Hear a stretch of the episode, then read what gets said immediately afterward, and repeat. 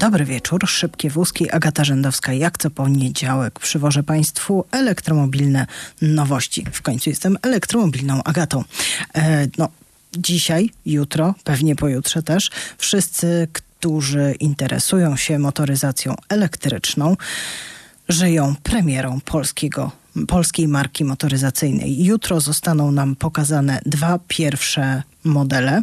Będzie to auto mniejsze, e, kompakt rodzinny oraz crossover. Już po 14 wszystko się okaże. Będziemy mogli podzielić się z Państwem prawdziwymi obrazkami, a nie tylko wizualizacjami, jak do tej pory um, udostępniało je EMP. Mi dziś udało się chwilkę porozmawiać z Tadeuszem Jelcem, czyli naszym człowiekiem, który pracował przez wiele lat w Jaguarze, który w tej chwili jest zaangażowany, jest jakby mentorem tego projektu polskiego samochodu elektrycznego. Co ma do powiedzenia na temat tego projektu, o tym jeszcze za chwilkę.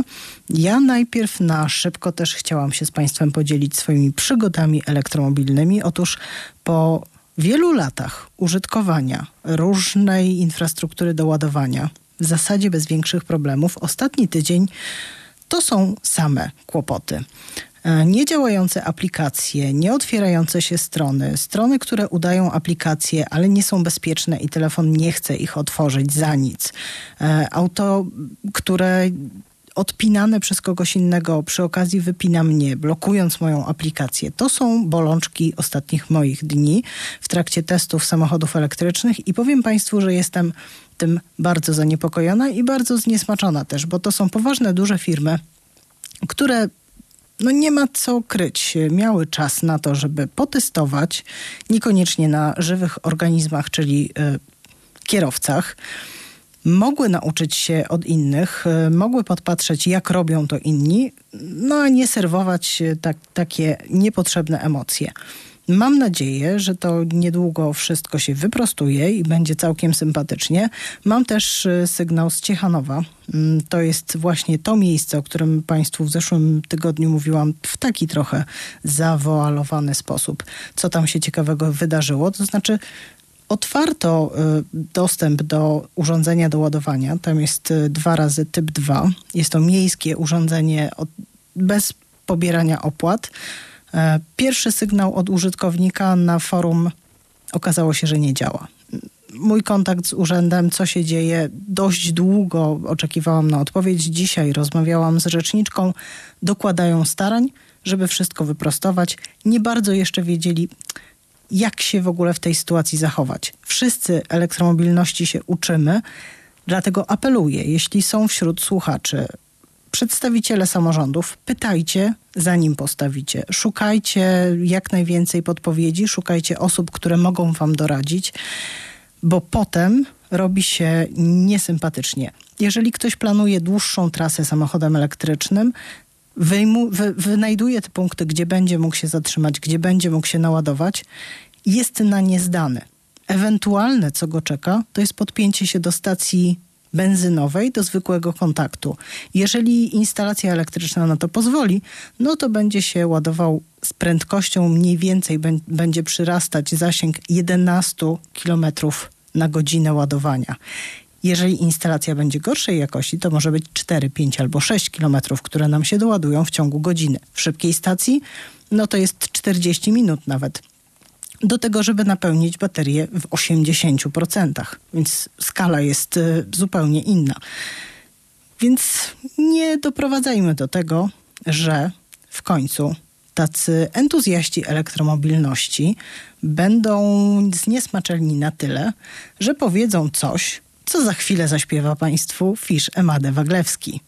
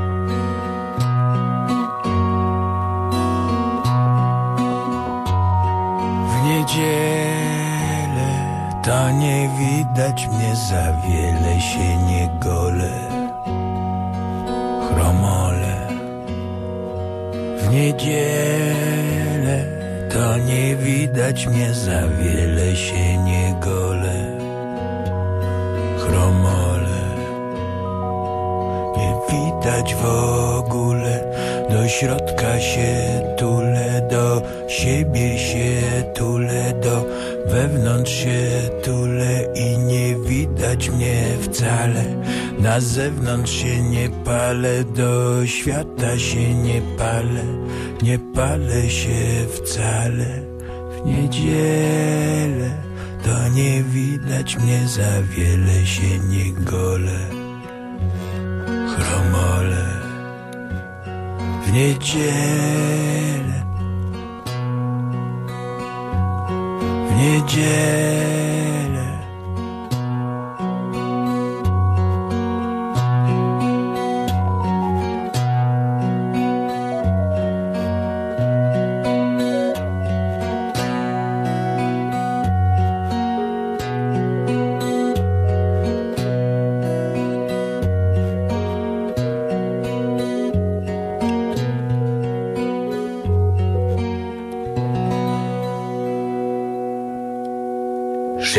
wózki.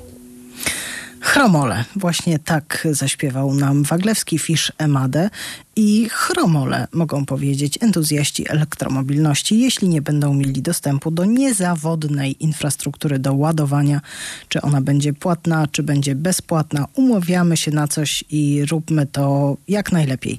Tego życzę sobie i Państwu, no bo będziemy mieli za chwilę być może coraz więcej samochodów elektrycznych do ładowania na różnych stacjach, w tym pojawi się polska marka samochodów elektrycznych. Właśnie o tym będę rozmawiać dzisiaj ze swoimi gośćmi.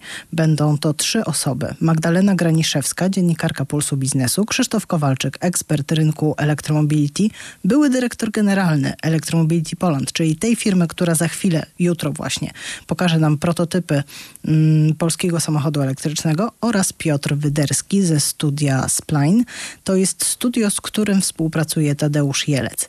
Więc zanim będzie rozmowa z moimi gośćmi, zachęcam Państwa do tego, żeby wysłuchać krótką rozmowę z Tadeuszem Jelcem na temat y, trochę tego, co jutro zobaczymy, a trochę w ogóle filozofii powstawania nowych pojazdów.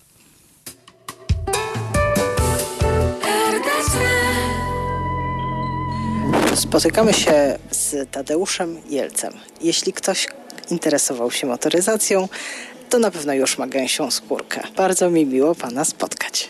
Mnie również, Pani Agato, no ale to przedstawiła mnie Pani z tą gęsią skórką, no niesamowicie, bo e, nie uważam, że, że powiedzmy jestem aż taką e, figurą, żeby od której się dostaje gęsiej skórki z kimkolwiek rysującym, chcącym projektować samochody, albo młodym człowiekiem, który już gdzieś liznął współpracy przy dużych projektach, Pana nazwisko zawsze elektryzuje. No świetnie, to się, to się bardzo cieszę. No i niech dalej elektryzuje. Ja lubię pracować z młodymi ludźmi. Zresztą, nie wiem, poznając młodych ludzi, no teraz od jakiegoś czasu staram się bywać w Polsce coraz częściej, zabrać się troszeczkę za edukację młodych ludzi. Bo jest mnóstwo właśnie, tak jak pani wspomniała, tych rysujących i czekających na, czekających czy starających się zostać projektantami. No jest sporo takiej młodzieży i trzeba jej pomóc. Trzeba jej pomóc, bo ja pamiętam za moich czasów to nie było, nie było takich możliwości, nie było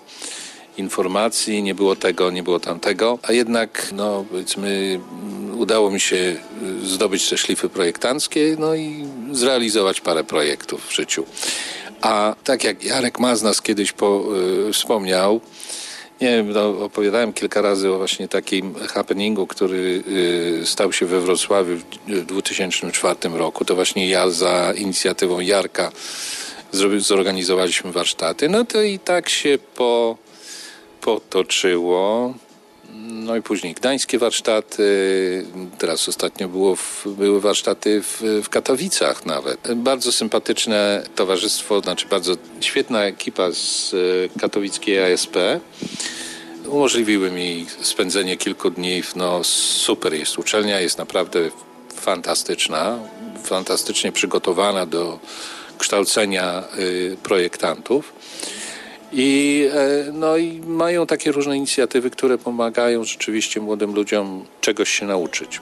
Pierwszy raz od bardzo dawna jesteśmy w takim punkcie, w którym można młodych ludzi zapalić i dość szybko oni mogą odnieść sukces. To znaczy od takiego projektu do prototypu jest znacznie łatwiej dojść niż kiedykolwiek, dzięki chociażby drukowi 3D. Więc e, wie pani, to jest e, i tak i nie, ponieważ jak jeden z projektantów kiedyś powiedział, zaprojektowane, zaprojektowałem coś, rysując po prostu na kartce papieru. No to, to jest po prostu rysunek, to jest szkic, to jest idea. No nie można tego nazwać żadnym projektem, ale tak jak pani wspomniała, są różne możliwości urzeczywistniania tego. I to jest to, co ja nazywam projektowaniem w 3D. Jest różnica, jest niesamowita różnica pomiędzy projektowaniem, wizualizacją czegoś e, w 2D i przeniesieniem, przeniesieniem tego w formę 3D. No rzeczywiście trzeba mieć niesamowite wyczucie i niesamowite umiejętności. Jeżeli się pomoże innym ludziom, to się widzi efekt tego.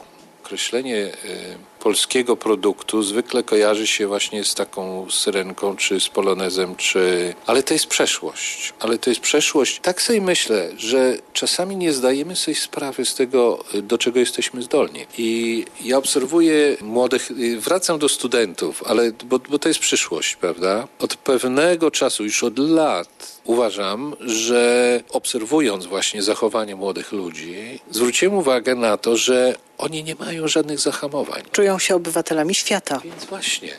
I to jest takie, że, że zamykanie siebie y, w takim a, bo to jest y, tutaj nasze, bo to jest.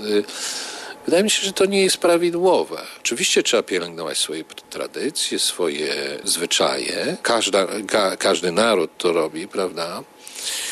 Ale y, z drugiej strony, gdybym ja nie był otwarty na jakieś czy inne kultury, czy inne zwyczaje, czy, czy wracając do, do projektowania, technologie, to nigdy bym nie osiągnął tego, czego osiągnąłem. Nie potrafiłbym zaprojektować, powiedzmy, Jaguara, bo w to trzeba się, w, to trzeba wejść, w to trzeba to trzeba wyczuć, to trzeba y, zrobić y, z takim wyczuciem, aby y, właśnie to DNA wydostać z tego, z tego. Dla mnie one są troszeczkę budujące. Wie pani dlaczego? Dlatego, że to, co powiedzmy osiągnęliśmy, to jest nieoczekiwane, że, że ludzie tego nie oczekiwali, że oni się spodziewali czegoś gorszego, ale to wynika z ich podejścia do myślenia o tym, czym jest Polska, o tym, czym mogą być polskie produkty, a wcale tak nie musi być. Czy w tych projektach wyczytamy historię polskiej motoryzacji? Czy dzisiejszy użytkownik, ten przyszły nabywca samochodu elektrycznego Made in Poland, czy on będzie się doszukiwał w ogóle tej spuścizny motoryzacyjnej polskiej?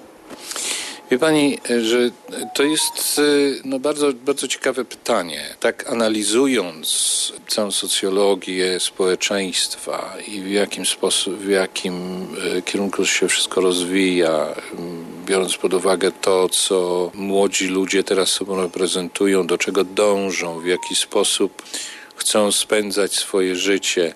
To, są, to jest mnóstwo elementów, które trzeba włożyć e, w tą myśl projektową. I tak jak powiedzmy, ja wspomniałem o tej syrence czy polonezie, że, że no to jednak nie może, nie może to być e, przełożenie tego samego w przyszłość, cała polskość tego projektu to jest y, przede wszystkim, y, przede wszystkim myśl o polskich użytkownikach tego samochodu i brania pod uwagę ich potrzeby, ich, e, ich niejednokrotnie wymagania, tak aby identyfikowali się z tym e, obiektem, którym jest ten samochód, prawda, w tym wypadku. Także no, to jest naj, najważniejszym wyzwaniem.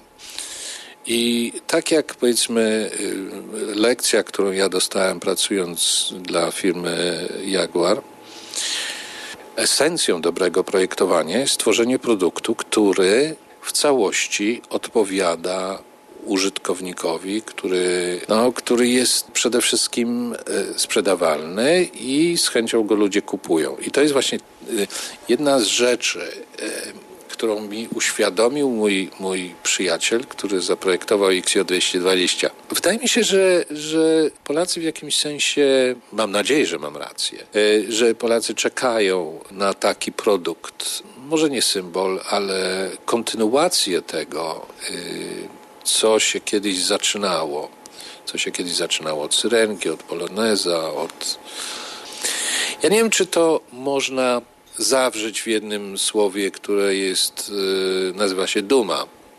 Ja osobiście nie, nie, nie lubię tego słowa, ponieważ y, to kojarzy mi się z wypinaniem piersi do przodu. Ja uważam, że skromność jest raczej y, bardziej pozytywną cechą w tym wszystkim. Natomiast jest coś takiego, jak takie samo. Nie wiem, nie wiem, szukam, szukam, szukam słów, szukam określeń, które by po prostu mogły wyrazić moje, moje osobiste uczucia w stosunku do tego. W tej chwili nie znajduję i, i, i naprawdę trudno mi jest. No, mam nadzieję, że jednak y, w radiu uda mi się jutro opowiedzieć Państwu o tych dwóch nowych samochodach elektrycznych z ciekawą historią i o tej historii stworzenia firmy, mm, inwestycji w elektromobilność e, będę rozmawiać ze swoimi dzisiejszymi gośćmi. Jest już z nami Magdalena Graniszewska, dziennikarka Pulsu Biznesu. Dobry wieczór. Dobry wieczór. I jest też z nami pan Piotr Wyderski ze studia Spline. Dobry wieczór. Dobry wieczór pani redaktor, dobry wieczór państwu a my jeszcze będziemy próbować e, pokonywać e, problemy techniczne i łączyć się z Krzysztofem Kowalczykiem. Mam nadzieję, że za chwilę się to uda. E, drodzy Państwo, słyszeliśmy to, co mówił, co mógł powiedzieć, bo nie wszystko mógł oczywiście dzisiaj powiedzieć, Tadeusz Jelec na temat projektu polskiego samochodu elektrycznego. To jest temat znany nam od prawie czterech lat. Ja bym chciała zapytać e, Magdalenę Graniszewską o to, mm, jak z Twojej perspektywy, bo wielokrotnie pisałaś o Electromobility Poland. I jak to wygląda? Jak wygląda e, kondycja finansowa firmy? Czy jest szansa na to, że znajdą się pieniądze także na zbudowanie fabryki? Jeśli te projekty oczywiście będą tego warte. Kondycja finansowa samej firmy y, jest taka jak, jak tradycyjnego startupu, bo, bo ta firma po prostu ma zerowe przychody w tym momencie. Y, I akurat y, niedawno można było się z jej wynikami zapoznać, bo wrzuciła do y, serwisu EKRS wyniki za 2019 rok i tam widzimy, że przychodów nie ma. Natomiast ma 4 miliony straty, ale to nie jest takie, takie istotne, bo przecież Tesla też, też ma straty. To co, to, co zadecyduje o sukcesie projektu e, Electromobility Poland, to, to ewentualnie e, kondycja finansowa jej akcjonariuszy. No właśnie, no, albo bo... pozyskanie partnerów.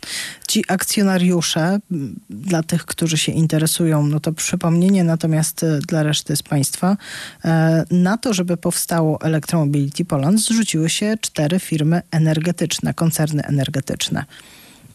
Tak, w 2016 roku ówczesny minister energii Krzysztof Tchórzewski skutecznie zachęcił firmy PGE, Energię, Enę i Tauron do zrzucenia się po jednej czwartej na, właśnie na tę spółkę, na Electromobility, Electromobility Poland. I w kilku transzach y, te firmy wpłaciły 70 milionów złotych. I Trudno powiedzieć, czy dziś ta firma jeszcze ma te pieniądze, czy nie. W każdym razie na koniec 2019 roku miała jeszcze w kasie, jak to się mówi, 38 milionów złotych. To 7 miesięcy minęło, e, finalizowała e, projekty, pro, prototypy. Nie wiem, nie wiem ile jeszcze jej zostało. No ale taki punkt przełomowy się zbliża, to znaczy e, po, po zaprezentowaniu marki i prototypów, do, do czego dojdzie jutro, ta firma będzie poszukiwać partnera do budowy fabryki aut. I to no już i jest to gruba kasa. To, to jest, e, prezes szacuje, że to jest od 4 do 5 miliardów złotych. I, I żeby być może to dobrze umieścić w jakimś kontekście, to Mniej więcej podobne pieniądze rząd chce wydać na wsparcie całego sektora górniczego. Tu 5 miliardów i tam 5 miliardów. Można sobie wyobrazić, co, co może być dla państwa albo dla firm ważniejsze. Czyli dla akcjonariuszy Electromobility Poland, co może być ważniejsze. Ja obstawiam, że wybiorą górników. No, tak się może okazać. E, panie Piotrze, czy to są budżety mm, realne, bo ja całkiem niedawno rozmawiałam z Henrykiem Fiskerem. E, on raz już próbował zaistnieć na rynku międzynarodowym własną marką samochodów. Nie powiodło mu się to. Dużo nauczył się na własnych, bardzo kosztownych błędach. Dzisiaj startuje ponownie i on mi mówił o miliardach dolarów, które trzeba zainwestować, jeżeli chce się e, w tym nowym otoczeniu biznesowym zafunkcjonować. Mm, oczywiście uważam, że pieniądze, którymi dysponuje Elektromobilność Polska, jeżeli mm, mówię tutaj o 4-5 miliardach e, złotych na budowę fabryki, e, to są to pieniądze, e, dzięki którym realnie ta firma jest w stanie zrealizować ten wielki projekt. A dlaczego tak uważam? Uważam tak ze względu na to, iż EMP nie zajmuje się rozwojem produktu od totalnego zera. Część technologii jest przejmowana bądź wykupywana od e, bardziej doświadczonych koncernów, które te technologie już u siebie wypracowały. E, w związku z czym e, to będzie wpływało na obniżenie kosztów całego projektu. Natomiast jeżeli mówimy o samej fabryce, to mm, tutaj dobrym przykładem będzie niedawno, parę lat temu otwarta jedna z największych fabryk w Europie, fabryka w Poznaniu, E, której budowa mm, to były podobne kwoty, o których, o których mówi prezes e, Elektromobility Polska, e, więc moim zdaniem spółka ta ma, jeżeli będzie miała takie pieniądze, to, to ma realne szanse na to, żeby zaistnieć na europejskim albo chociaż polskim rynku samochodowym.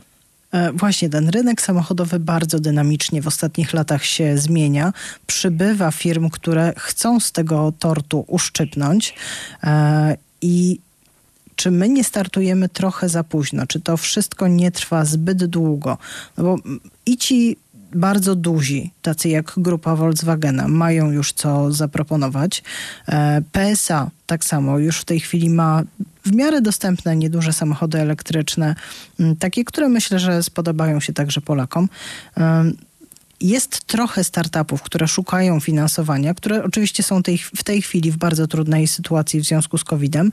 E, I widzę, że już mamy Krzysztofa Kowalczyka na linii. Może... Dobry wieczór. Dobry wieczór. Może zechciałbyś opowiedzieć właśnie o tym, gdzie my w tej chwili na rynku się znajdujemy? Czy my mamy szansę wystartować? Bo taki wystrzał z procy raczej nam nie grozi. Jeżeli chodzi o rynek E, jeżeli chodzi o rynek... Panie, panie Piotrze, tak? momencik, pana Krzysztofa już mamy na linii i, i on, jakbym mogła prosić, odpowie. Mm, rynek niewątpliwie jest już dość dojrzały. To znaczy, kiedy projekt EMP startował trzy lata temu, e, już wtedy ten rynek e, był nasycony, a teraz jest w zasadzie rynkiem dojrzałym, gdzie wszyscy duzi gracze mają wiele modeli elektrycznych, kolejne modele wchodzą. E, dlatego trzeba się dobrze zastanowić, e, który segment, którą niszę E, chce się atakować. Jeżeli chodzi o takie segmenty bardziej masowe, no to cztery lata temu Nissan Renault zapowiedział, że za właśnie cztery lata, i to za chwilę się stanie w Europie pod e, marką Dacia, zostanie wprowadzone tanie, czteroosobowe elektryczne auto miejskie, które w Chinach Renault wtedy planowało sprzedawać poniżej 10 tysięcy dolarów przed subsydiami. Pół roku temu zaczęli sprzedaż w okolicy 8 tysięcy dolarów. Więc wydaje się, że te mm, jakby masowe segmenty, e, one są dość dobrze pokryte i tam e, wejście będzie trudne, bo trzeba wybudować markę, która będzie budziła zaufanie, jeżeli chodzi o niezawodność, o dostępność serwisu, e, potem też o wartość rezydualną, no bo trzeba pamiętać, że zarówno jeżeli chodzi o różne opcje finansowania, jak i nawet kupno na własność i potem od sprzedaż liczy się to, czy ktoś to auto potem będzie chciał kupić. Mm, więc podsumowując, tutaj raczej trzeba by szukać niszy i tu cały czas miejsce jest, a to, czy nie jest za późno na start z własną marką, to pytanie zawsze będzie właściwe, tylko że ono zawsze będzie się przesuwać. To taki trochę, taki trochę znikający punkt. To bardziej jest pytanie, czy my w ogóle chcemy wrócić do produkowania samochodów. I wydaje mi się, że powinniśmy, e, dlatego że ta produkcja daje okazję do integrowania wielu technologii, kontrola nad tą integracją jest wartością, a sam wyścig tak naprawdę technologiczny odbywa się wcale nie w warstwie budowy samochodu, wbrew takiemu wizerunkowi medialnemu i dyskusji, czy nam, Polakom, uda się wyprodukować samochód. To akurat jest bardzo proste. Bardziej postawiłbym pytanie, czy nam, Polakom, uda się e, zbudować technologię na przykład do autonomicznej jazdy, czy technologię infotainmentu, tej rozrywki na pokładzie, własne technologie, które będą tam integrowane, bo one są przez rynek wielokrotnie bardziej wyceniane niż sama umiejętność budowy samochodów. Panie Piotrze, to ja bym chciała, żeby odniósł się Pan może do tego, co powiedział e, Krzysztof Kowalczyk, ale też e, dodał, jak w ogóle w tej chwili wygląda projektowanie nowych rozwiązań mobilności, bo tak naprawdę my nie mówimy już o samochodach, tylko mówimy o pojazdach, które właśnie za chwilę mogą jeździć autonomicznie. Mm, to najpierw odnosząc się do mm, wypowiedzi e, przedmówcy, e, chciałbym zwrócić też uwagę na to, że e, pomimo tego, że rynek samochodowy, samochodów elektrycznych jest coraz pełniejszy, coraz dojrzalszy, to tak naprawdę Stany Zjednoczone też pokazują, że jest wciąż miejsce na nowe, na nowe, na nowe produkty, takie jak Faraday Future, jak Rivian, jak Lucid, i są to wszystko marki, które również jeszcze nie weszły na rynek, a które są finansowane przez bardzo dużych graczy na rynku amerykańskim. Jak na przykład Amazon w wypadku Riviana, czy Fundusz Inwestycyjny Arabii Saudyjskiej, jeżeli chodzi o Lucida. Nie ma co ukrywać, Chiny są krok przed większością narodów krajów, jeżeli Złoś... chodzi o elektromobilność. Złośliwi mówią, że to jest krok milowy. Zgadza się. Zgadza się zdecydowanie tak.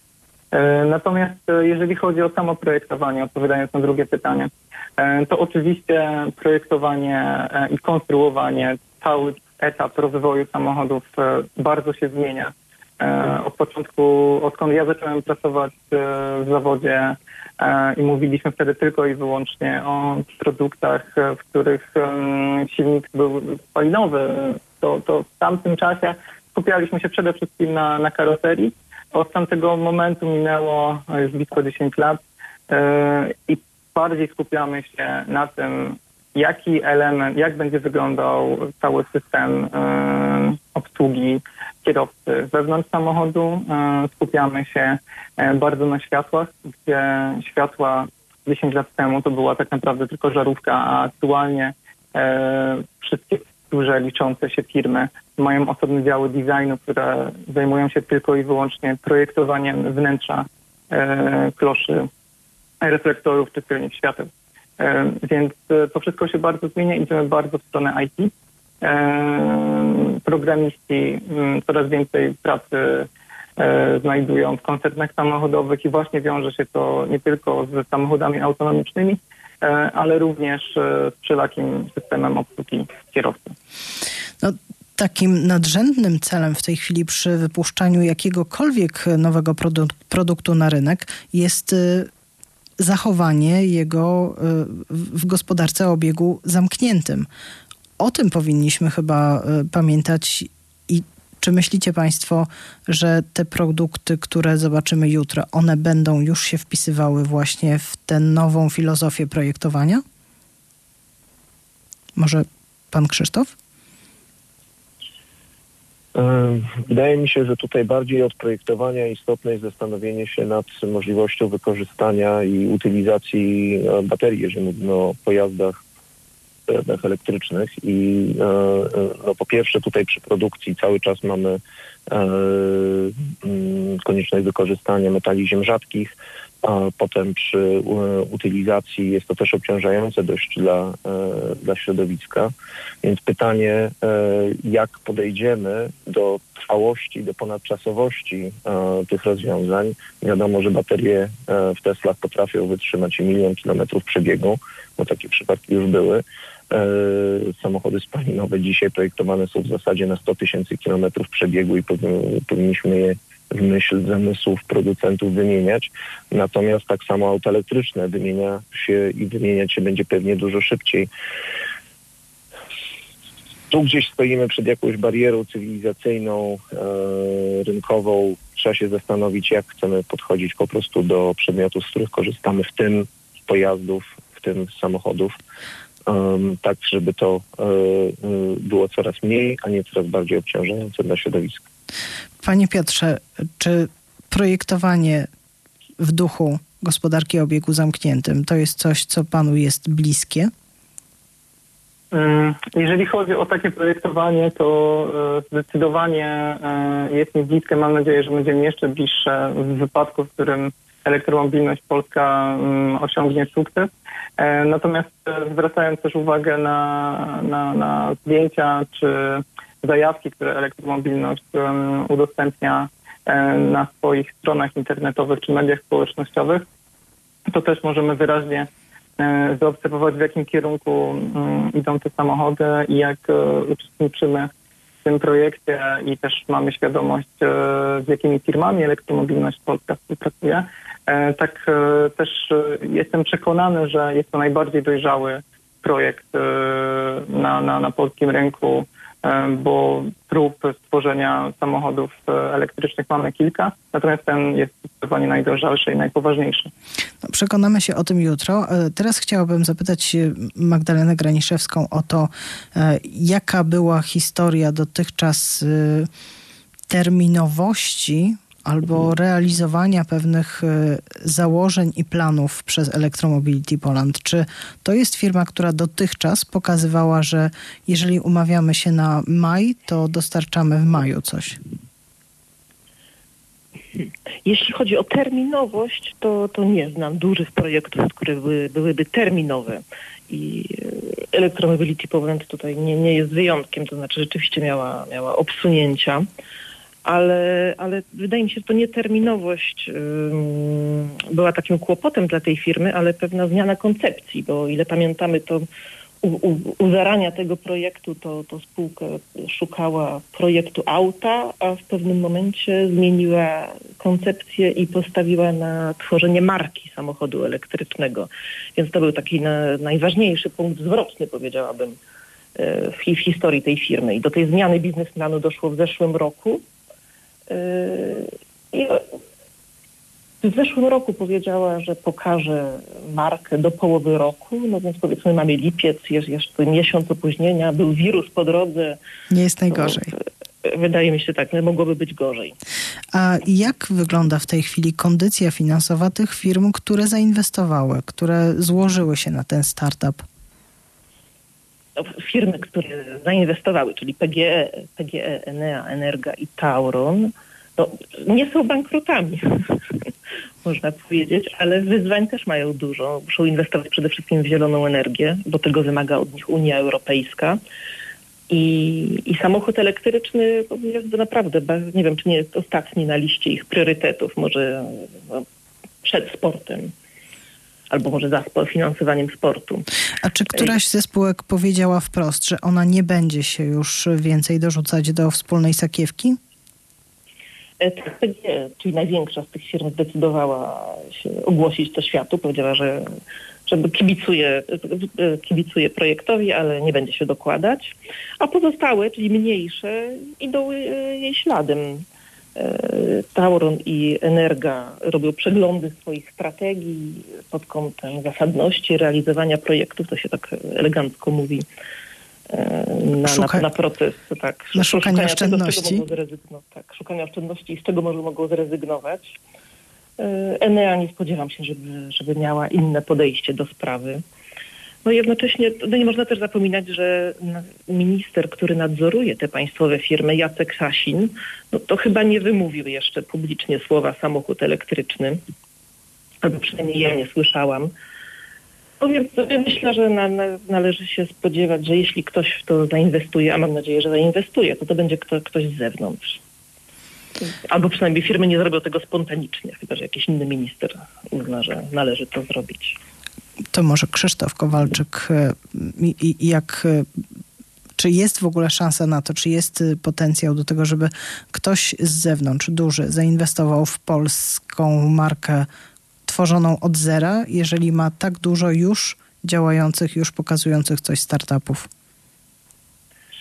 Inwestycyjnie szuka się zawsze czegoś unikatowego. No i tutaj wspomniany e, przez jednego z przedmówców projekt Rivian ma na przykład własną platformę. Kiedy my żeśmy startowali, tego nie może nie widać, ale ta pierwsza zmiana w projekcie MP nastąpiła dużo wcześniej w momencie mojego odejścia, dlatego że my chcieliśmy E, wejść na rynek bardzo niszowo e, z samochodem sportowym i premium sedanem produkowanym w kilku tysiącach sztuk, do czego wcale nie potrzeba fabryki, można to produkować na przykład w Magnie w Austrii czy w Walnecie w, w Finlandii, po to, żeby wypracować jakieś własne unikatowe technologie i zastanowić się wtedy, którą stronę pójść, czego rynek będzie potrzebował. Rivian ma własną pl platformę, no, y, ja obstawiam, y, zobaczymy co się stanie, ale obstawiam, że polski samochód będzie budowany na platformie Volkswagena, bo dzisiaj te trzy lata później na przykład ciężko jest w ogóle na masową skalę nabyć ogniwa, które są jednym z niezbędnych elementów platformy. Natomiast platformy do niszowych zastosowań moglibyśmy próbować opracowywać. No więc teraz odpowiadając na pytanie, czy ktoś zainwestuje w ten nasz konkretny projekt, no to pytanie, co w nim jest unikatowego technologicznie. Bo w sam design raczej nikt nie zainwestuje. Design całym szacunkiem jest dość prosty, tak? To znaczy jest wiele studiów projektowych. Możemy sobie na istniejącej platformie postawić y, dowolne w zasadzie nadwozie i wręcz powinniśmy Y, szukać y, wielu możliwości odpowiedzenia na potrzeby klientów. Ale to, co jest pod spodem, ta technologia kluczowa, czyli platforma, integracja silnika elektrycznego z bateriami, przeniesienie napędu, to jest jedna z rzeczy, w które można by zainwestować. Tego, jak rozumiem, nie mamy, bo będziemy to kupować od kogoś z zewnątrz, co zostało już chyba gdzieś zapowiedziane w jednym z wywiadów. E, nie mamy na razie warstwy oprogramowania ani sensorów. No więc pytanie, co tak naprawdę tam w projekcie jest unikatowego. Jeżeli jest coś unikatowego, jest szansa na znalezienie inwestora. Jeżeli nie ma niczego unikatowego, raczej będzie to trudne. E, znalezienie inwestora na samą masową produkcję, e, nawet średnio e, wolumenowego samochodu, myślę, że też będzie trudne. Panie Piotrze, pan, ja podejrzewam, że w związku z tym, że tak blisko jest pan z panem Tadeuszem Jelcem, e, wie o tym projekcie dużo więcej. Ja oczywiście nie zapytam e, o to, jak konkretnie wygląda polski samochód elektryczny, natomiast chciałabym zapytać pana, co według pana mm, ta marka będzie tymi projektami komunikować? E, myślę, że e, spontaniczność i dynamiczność, e, jak, jak to jest też na elektromobilności wspomniane. Natomiast jeżeli chodzi o, o to, co my będziemy komunikować, to elektromobilność Polska będzie komunikować, Ponadto, e, drodzy Państwo, niestety będziecie musieli poczekać do, do, do premiery. E, niestety nie będę mógł zdradzić tutaj e, nic więcej.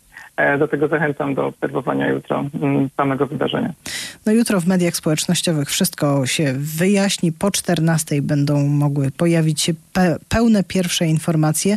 Zapraszam oczywiście na szybkowózkowego Twittera. Tam będę wrzucać co się da.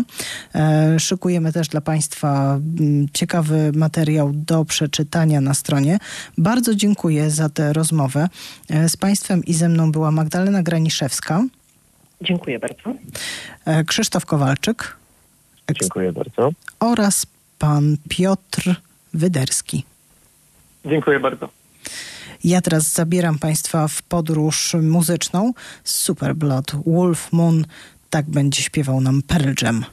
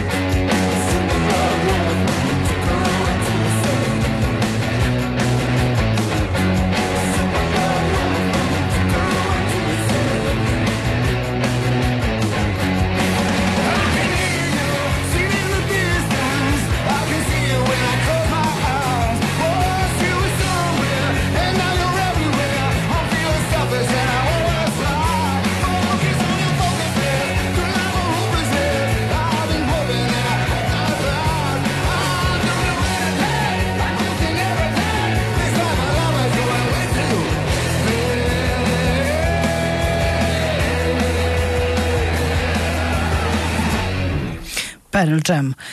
Bardzo znana z aktywności na rzecz ochrony środowiska grupa grunge'owa, grupa, która towarzyszy mi od bardzo, bardzo dawna, bardzo ich lubię i z dużą przyjemnością sięgnęłam po tę płytę ostatnią, najnowszą ona jest y, jasną deklaracją. Weźcie się ludzie, ogarnijcie, bo świat nam za chwilę może zniknąć. E, dlatego, żeby nam ten świat nie zniknął, inwestujemy w nowe technologie, w elektromobilność między innymi. Mm, Polacy znajdują sobie niszę. Chcą nie tylko produkować samochody elektryczne, ale chcą też poddawać samochody już dobrze nam znane ekokonwersji. I o takiej ekokonwersji ostatnio poinformował nas KGHM. E, KGHM Zanam przygotował na bazie już istniejącego samochodu, czyli Toyota Land Cruiser, mm, auto do zadań specjalnych. E, elektryczny nie taki szybki wózek, ale jednak e, zeroemisyjny, który będzie woził na terenie kopalni e, pracowników, górników. E, będzie wykorzystywany pewnie też do innych celów, ale o tych celach jeszcze nam nic e, nie opowiedziano. Na razie pokazano tylko krótkie przebitki, jak auto wygląda. Jeżeli dowiem się czegoś więcej, to oczywiście będę Państwa informować. Coraz więcej firm takich, które dostarczają nam paczki, też interesuje się elektromobilnością i one też chcą niekoniecznie kupować samochody nowe, ale stawiają właśnie na ekokonwersję. I tutaj dobrym przykładem dzisiaj pochwalił się InPost, który wraz z ekipą, która przygotowała Sokoła 4x4 i również współpracowała, jak sądzę, dość blisko przy tej elektryfikowanej Toyocie Land Cruiser dla KGHM Zanam, mm, to oni będą poddawać częściowo przynajmniej flotę impostu ekokonwersji. Ekokonwersja jest ciekawym tematem, jest y, dobrym tematem dla firm, które widzą, że motoryzacja spalinowa jest motoryzacją schyłkową i chcą się zainteresować nowymi technologiami. Rozmawiałam kiedyś ze specjalistami z PIMOT, którzy przygotowują, opiniują, badają różne rzeczy związane z elektromobilnością. Mm, na przykład y, sprawdzają, jak się baterie w różnych y, dziwnych sytuacjach zachowują przy uderzeniach, przy bardzo wysokich temperaturach, ale też y, bliski jest im właśnie temat ekokonwersji mm, i widzą w tym duży potencjał. Przestrzegają tylko przed domowymi przeróbkami. I ja z tego miejsca chciałabym posłużyć się właśnie tym przykładem. Jeżeli przerobimy samemu coś, to możemy nie do końca dobrze wyliczyć pewne strefy bezpieczeństwa i nie fajnie byłoby skończyć z połamanymi nogami, przez które przejechały na przykład akumulatory. E, różne rzeczy w internecie się widzi, słyszy i ogląda i uczmy się na cudzych błędach. E, chciałabym żebyśmy się ustrzegli przed rzeczami niebezpiecznymi. Mm, zatem proszę się interesować właśnie ekokonwersją, e, być może zainspiruje się ktoś, kto nas słucha, kto szuka jakiejś swojej niszy. E, ciekawym, ciekawymi projektami są takie, które już zyskały licencję. Na przykład Volkswagen licencjonował jedną z firm, która przygotowuje ekokonwersję starych garbusów. E, przygotowuje takie specjalne pakiety, które można wykorzystać do przerobienia starego poczciwego spaliniaka na wersję elektryczną. I to jest coś, co pewnie będzie nam się rzucało w oczy coraz częściej. Mm, myślałam, że będę Państwu dzisiaj opowiadać o tym, co nowego w motoryzacji w Azji, ponieważ miała wystartować olimpiada. A przy okazji tej olimpiady e, producenci związani z Japonią zapowiadali bardzo dużo nowości. Przede wszystkim takich pojazdów e, niewielkich do transportu publiczności, VIP-ów, ale nie bardzo luksusowy sposób, tylko na przykład małymi autobusikami autonomicznymi. Miało tam się też pojawić bardzo dużo technologii wodorowych. W związku z tym, że olimpiada będzie w przyszłym roku. Myślę, że część tych nowości zobaczymy też w przyszłym roku, ale sądzę też, że niektóre e, są na tyle fajne i na tyle warte uwagi, że pojawią się na rynku nawet może trochę wcześniej. Bardzo na to liczę, mm, bo to jest przestrzeń do działania dla firm szalenie ciekawa, szalenie rozwojowa i właśnie w COVID-zie okazało się, że pojazdy autonomiczne najróżniejsze, od takich, które są w stanie same wjechać do pomieszczenia i je wyozonować albo ponaświetlać, e, po takie duże mm, kilkumiejscowe autobusy, w które można wsadzić paczki z jedzeniem albo z lekami, środkami higieny e, i przetransportować je bez w ogóle angażowania człowieka. To są właśnie takie rzeczy, których potrzebujemy i pewnie niestety będziemy potrzebować jeszcze nie raz. Zresztą jak się na tym dobrze nauczymy, to będziemy mogli wozić na przykład y, osoby starsze, które będą sobie chciały pojechać e, albo do kogoś w odwiedziny, albo pojechać y, do lekarza i nie trzeba będzie mm, angażować zbyt wielu osób do pomocy, bo poza takim asystentem, który pomoże na przykład wyjść z domu i usiąść wygodnie w fotelu takiego autonomicznego pojazdu, on sobie pomalutku i ostrożnie dowiezie taką osobę na miejsce. To jest y, nie wcale tak daleka przyszłość, jak się wielu mogłoby wydawać. Bardzo Państwu dziękuję za to dzisiejsze spotkanie, dość emocjonujące dla mnie, bo dla mnie spotkanie z panem Tadeuszem Jelcem to było spore przeżycie. Czekałam na to dość długo. E, jutro, tak jak e, zapowiadałam, będziemy starali się razem z działem newsów e, dostarczyć Państwu tych najlepszych, najbardziej rzetelnych informacji na temat projektu. To, co już widzieliśmy, wygląda dość interesująco. Mam nadzieję, że dowiemy się dużo więcej na temat tych y, rzeczy technicznych. Czy faktycznie już jest platforma i jak będziemy go ładować, e, co z baterią jak, y, i, i, i czy jest już wybrany jakiś dostawca. No, myślę, że dużo z tych wiadomości uda się jutro uzyskać. Ja nazywam się Agata Rzędowska elektromobilna Agata w mediach społecznościowych. Oczywiście zapraszam Państwa na swojego Instagrama oraz na szybkowózkowego Twittera. Realizowała dzisiaj Żaneta Tomala, ponieważ Jacek Kosiński pojechał poodpoczywać trochę od tematów e, szybkowózkowych. Wydawała Aleksandra Głogowska, a ja Państwa zapraszam teraz na Indie Będzie śpiewał, śpiewała e, piękna wokalistka i namawiam Państwa do tego, żeby wyszukać sobie ten utwór w internecie i obejrzeć wideo. Tam jest przepiękny samochód i Alan Rickman. Dobranoc.